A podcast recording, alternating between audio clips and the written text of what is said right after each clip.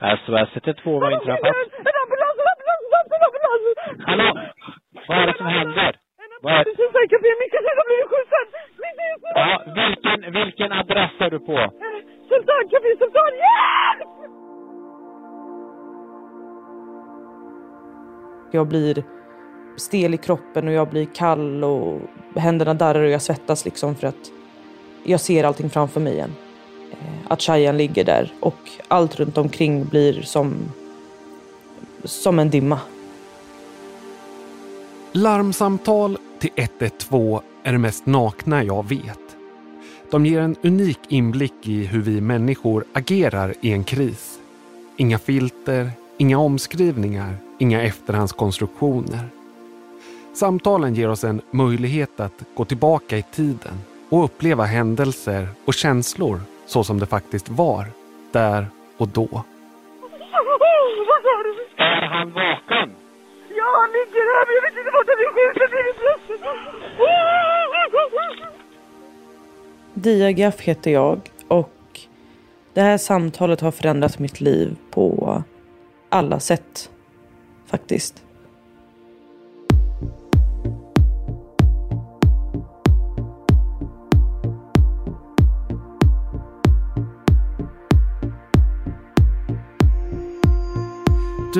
Lyssnar på Svenska larmsamtal. En podd om när allt står på spel. Tillfället när sekunder är avgörande, när ett telefonsamtal är skillnaden mellan liv och död. En podd med och om dem som ringer 112. Jag heter Johan Cedersjö.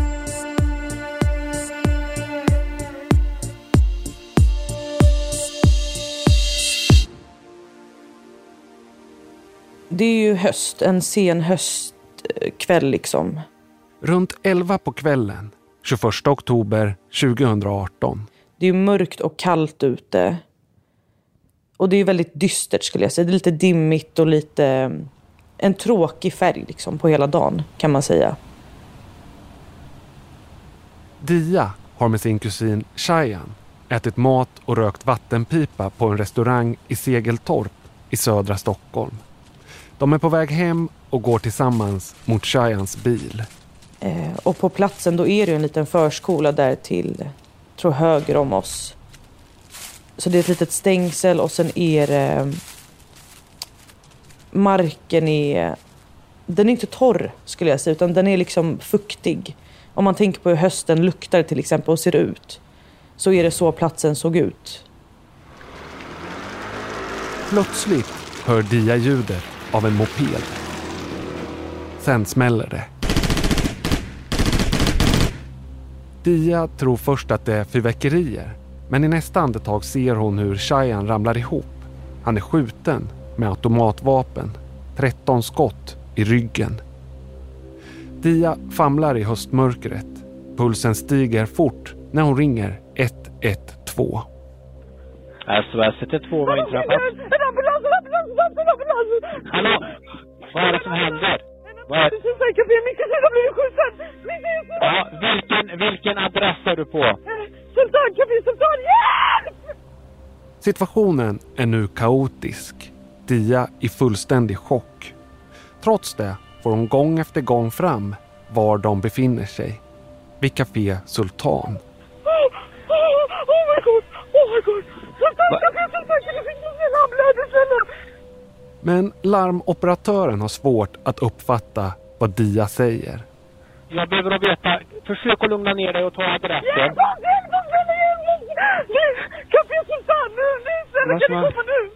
Ja, men jag hör inte vad du säger för adress. Hjälp mig med adressen. Ja, jag vet, men jag måste hitta dig också. Ta det lugnt och säg adressen. Vart ska jag? Jag vet inte vad jag. Café Sultan, vad är det för adress? Om jag tänker på mig själv när jag väl stod där så vet jag att det var ju som att jag bara såg saker. Minnesbilder, allting bara liksom fram och tillbaka. Det är som när man ser på en film när eh, de spolar fram, snabbspolar någonting. Det var så det kändes medan jag hör massa ljud i bakgrunden. Och man tror ju att man är så tydlig. Självklart.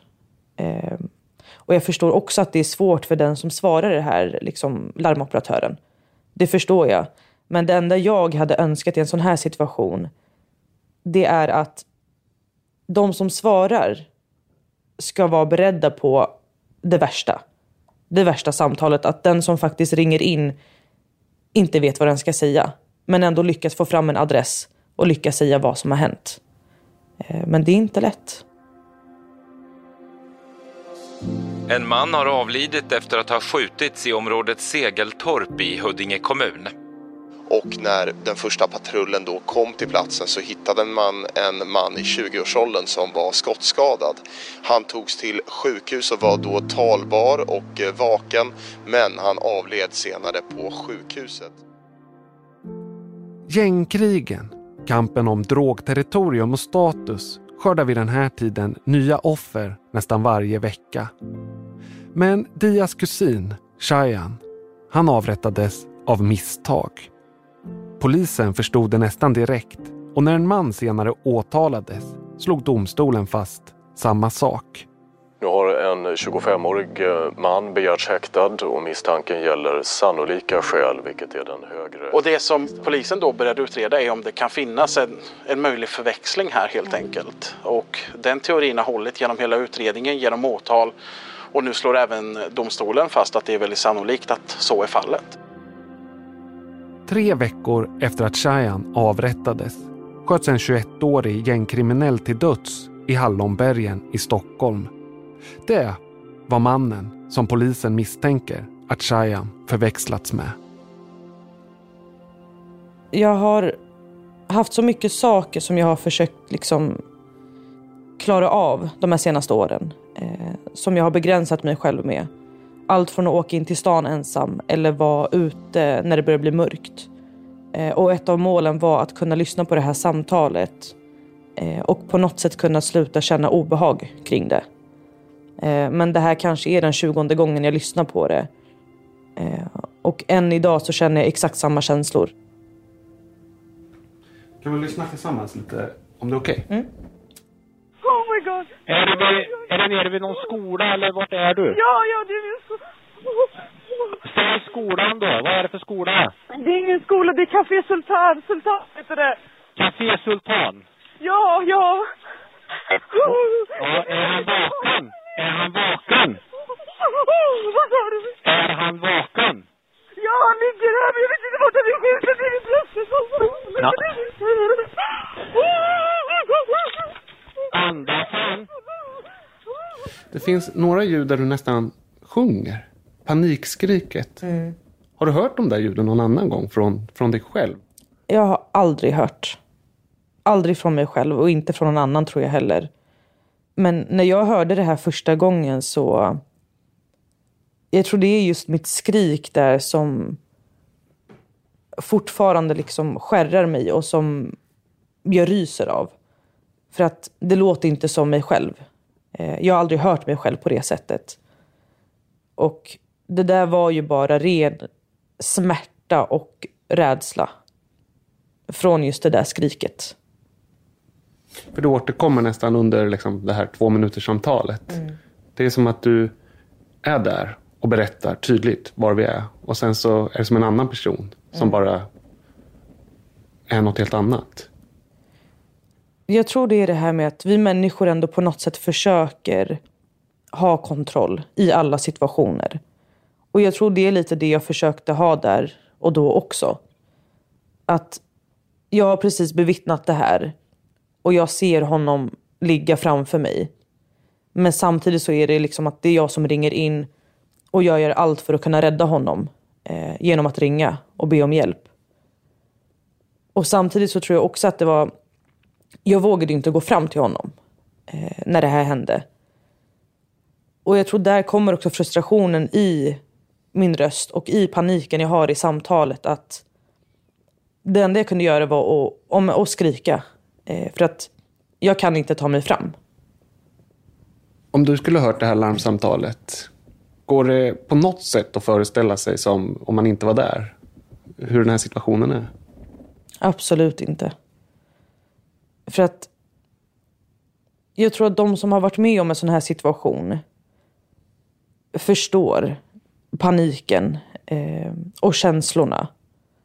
Och det behöver inte bara vara en sån här situation, men jag tänker någonting som händer plötsligt.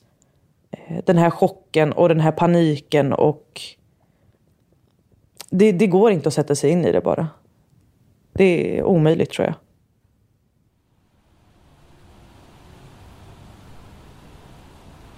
Shayan ligger på den våta marken. Han blöder. I larmsamtalet har operatören till slut förstått på vilken plats allt det här hände. Folk från restaurangen har rusat ut för att hjälpa till. Oh my god! Kan du skynda Kan du försöka, jag, jag vill att du, är gärningsmannen kvar på plats där? Nej, nej, nej, det Nej. är bara stopp bakom oss. Ja, kan du ta och försöka, jag vill att du går fram till din pojkvän Ja, där. men det ligger, det är min kusin. De, de som jobbar här ligger här med honom. Ja, Den första som springer ner, det är ju en ung kille som har serverat oss hela kvällen.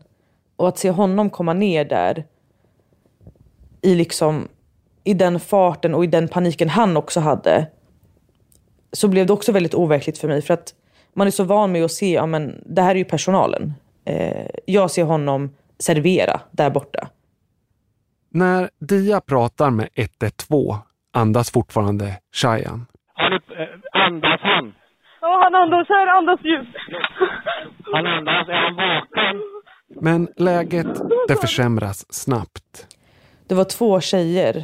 Eh, ena satte sig på knäna bredvid Shayan medan den andra kom springandes till mig. Och det jag verkligen minns, det här är precis efter samtalet, det är att hon tittar på mig, hon drar mig åt sidan och säger titta inte bak. Eh, och jag får ju panik såklart och tänker varför ska jag inte göra det? Och det första man gör när någon säger titta inte, då tittar du. Och då tittar jag och då ser jag att eh, hennes kusin då gör hjärt och lungräddning på Shayan. Och Vilket leder till ännu mer panik från min sida. För att när man gör hjärt och lungräddning då är det ju för att den här människan har slutat andas. Och han dör. Och för mig att se det här och så ha någon framför mig som säger, "Ja, men titta inte, det är jobbigt, det blir bara du vet, det, det är bara som, det är en panik. Du, du vet inte vad du ska ta dig till i den situationen.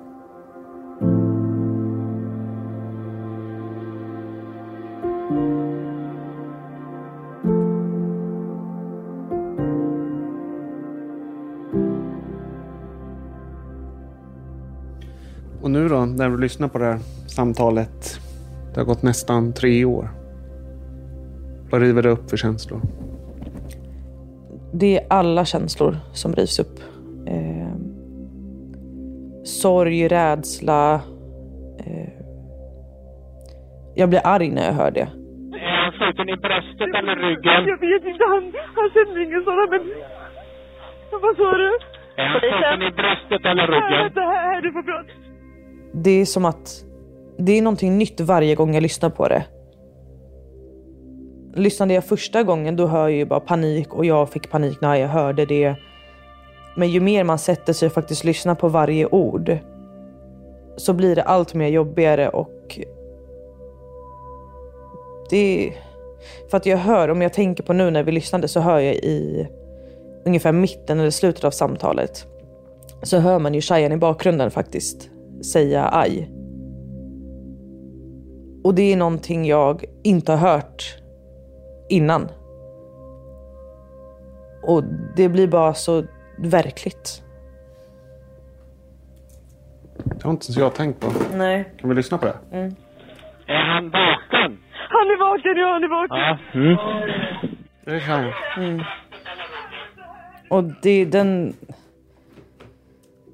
När jag hör det där, då, då ser jag allting igen. Då ser jag ju situationen framför mig. Men sen att höra i slutet att han faktiskt, man hör honom. Det sista jag liksom hör av min kusin det är att han vrider sig i smärta. Det är sjukt att höra tycker jag. Det är jätte, det är sorgligt och det är hemskt. Shayan, som pluggade till lärare och jobbade extra på apotek, är idag begraven på Strandkyrkogården på Tyresö. Hundratals människor kom för att sörja hans bortgång. Hans pappa, Cherko, berättade för Aftonbladet. Han älskade alla, älskade alla. Han hotade ingen, ingenting i den här världen.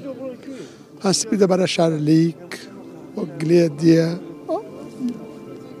Vi vill ha den faktiskt. Inte ha våld. 2019, året efter mordet på Shayan, dömdes en 26-årig man till 18 års fängelse. För mig är det som en... Jag bearbetar det här fortfarande. Eh, och för mig sen första dagen så har jag alltid sagt att jag kommer aldrig sluta prata om det. Eh, och det kan vara om tio år och någon frågar mig. Jag kommer kunna sätta mig och berätta allting. För att Shayan är en människa som är värd att minnas. Hur mycket saknar du han? Går det att, går det att förklara en sån sak? Nej, absolut inte. Det är som ett svart hål, typ. Ett tomt hål som aldrig går att fylla. Och det är så mycket små saker i livet som, som händer och som kommer hända som han inte kommer vara med på. När jag tar mitt körkort till exempel, jag håller ju på nu. Och den första jag vet som skulle vara så glad för min skull, det är ju han. Eh, och varje gång jag övningskör och liksom övningskör förbi kyrkogården eh, så vinkar jag alltid lite snabbt mot hans grav och säger, men titta snart, snart har jag det. Och bara sådana små saker liksom. Där kommer alltid någon saknas.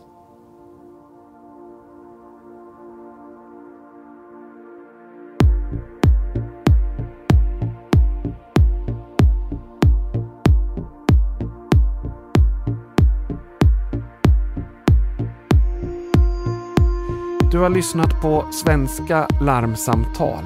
En exklusiv podmi produktion av Tredje Statsmakten Media. Research Jill Eriksson. Mixning Fredrik Nilsson och jag heter Johan Cedersjö. Exekutiv producent hos Podmi är Sofia Neves.